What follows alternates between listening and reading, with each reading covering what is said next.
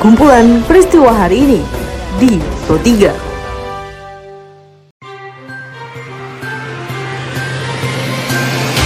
Halo pendengar, selamat berjumpa kembali di podcast Pro 3 RRI dengan kumpulan peristiwa yang terjadi pada hari ini. Pendengar, seperti biasa pada podcast ini tentunya saya akan menghadirkan informasi-informasi aktual pilihan dari redaksi seluruh Indonesia.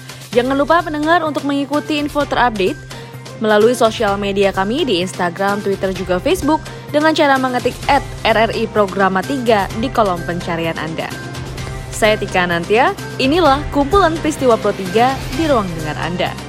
Pendengar faktor cuaca yang memasuki musim hujan dan keberadaan tempat pendidikan dan hiburan di Sleman menjadi faktor yang memicu lonjakan kasus positif COVID-19.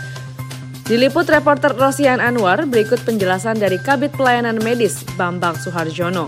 Musim penghujan ini kan relatif lembab udaranya, kemudian yang seharusnya virus itu kan akan mati dengan panas yang tinggi, dengan kita menjemur. Kenapa Pak Sleman tertinggi? Karena kita tahu bahwa penduduk Sleman juga tertinggi di DIY ini. Penduduk Sleman itu 1,1 juta. Pendengar tiga orang balita di Dusun 2 Desa Banua Siboho, Kecamatan Namohalu, Esiwa, Kabupaten Nias Utara tewas usai dibunuh oleh ibu kandungnya sendiri. Tepatnya terjadi pada hari pemungutan suara pilkada serentak 9 Desember lalu. Diliput reporter Joko Saputra berikut penjelasan dari Humas Polres Nias Ibtu Yansian Hulu.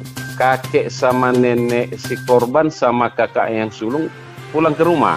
Ah, jadi nyampe lah di rumah sekitar jam setengah dua.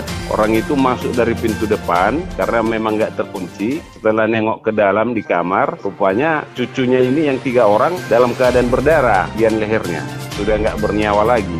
Sementara ibunya atau pelaku posisi terlentang di samping anaknya sambil ya di sampingnya adalah parang yang digunakan dia untuk menggorok anaknya itu. Pendengar Dinas Pendidikan Disdik Sampang, Madura, Jawa Timur terpaksa meliburkan 12 sekolah terdampak banjir akibat luapan dari sungai Kali Kamoning. Berikut laporan dari Khairul Umam, penjelasan dari PLT Kepala Dinas Pendidikan Sampang Nur Alam. Ini kan menunggu air surut cuma air masih nambah dari utara itu bisa belum masuk sampai kapan ya sampai surut itu. Iya masih ya bersih bersih setelah itu ya semua gurunya itu. Karena kalau tidak dijaga mah dibiarkan lengket di tembok itu anunya. Ya harapan saya anak-anak jangan sampai keluar mas karena apa takut ada apa ya kena hanyut air karena kalau di jalan raya itu agak deras kayaknya jalannya air jadi diimbau kepada orang tua kerja di rumah saja dulu. Dalam rapat paripurna DPR hari ini, anggota DPR Ansori Siregar mengajukan interupsi dengan mengkritisi pimpinan DPR yang tidak mengambil sikap tegas dalam menolak kenaikan iuran BPJS Kesehatan serta menjamin keamanan pengadaan vaksin COVID-19. Anggota DPR Sri Rahayu juga dalam interupsinya meminta kepada masyarakat fakir dan miskin termasuk dalam program vaksin COVID-19 gratis dari pemerintah. Dilaporkan reporter Rizky Supermana berikut penjelasan dari kedua anggota DPR tersebut.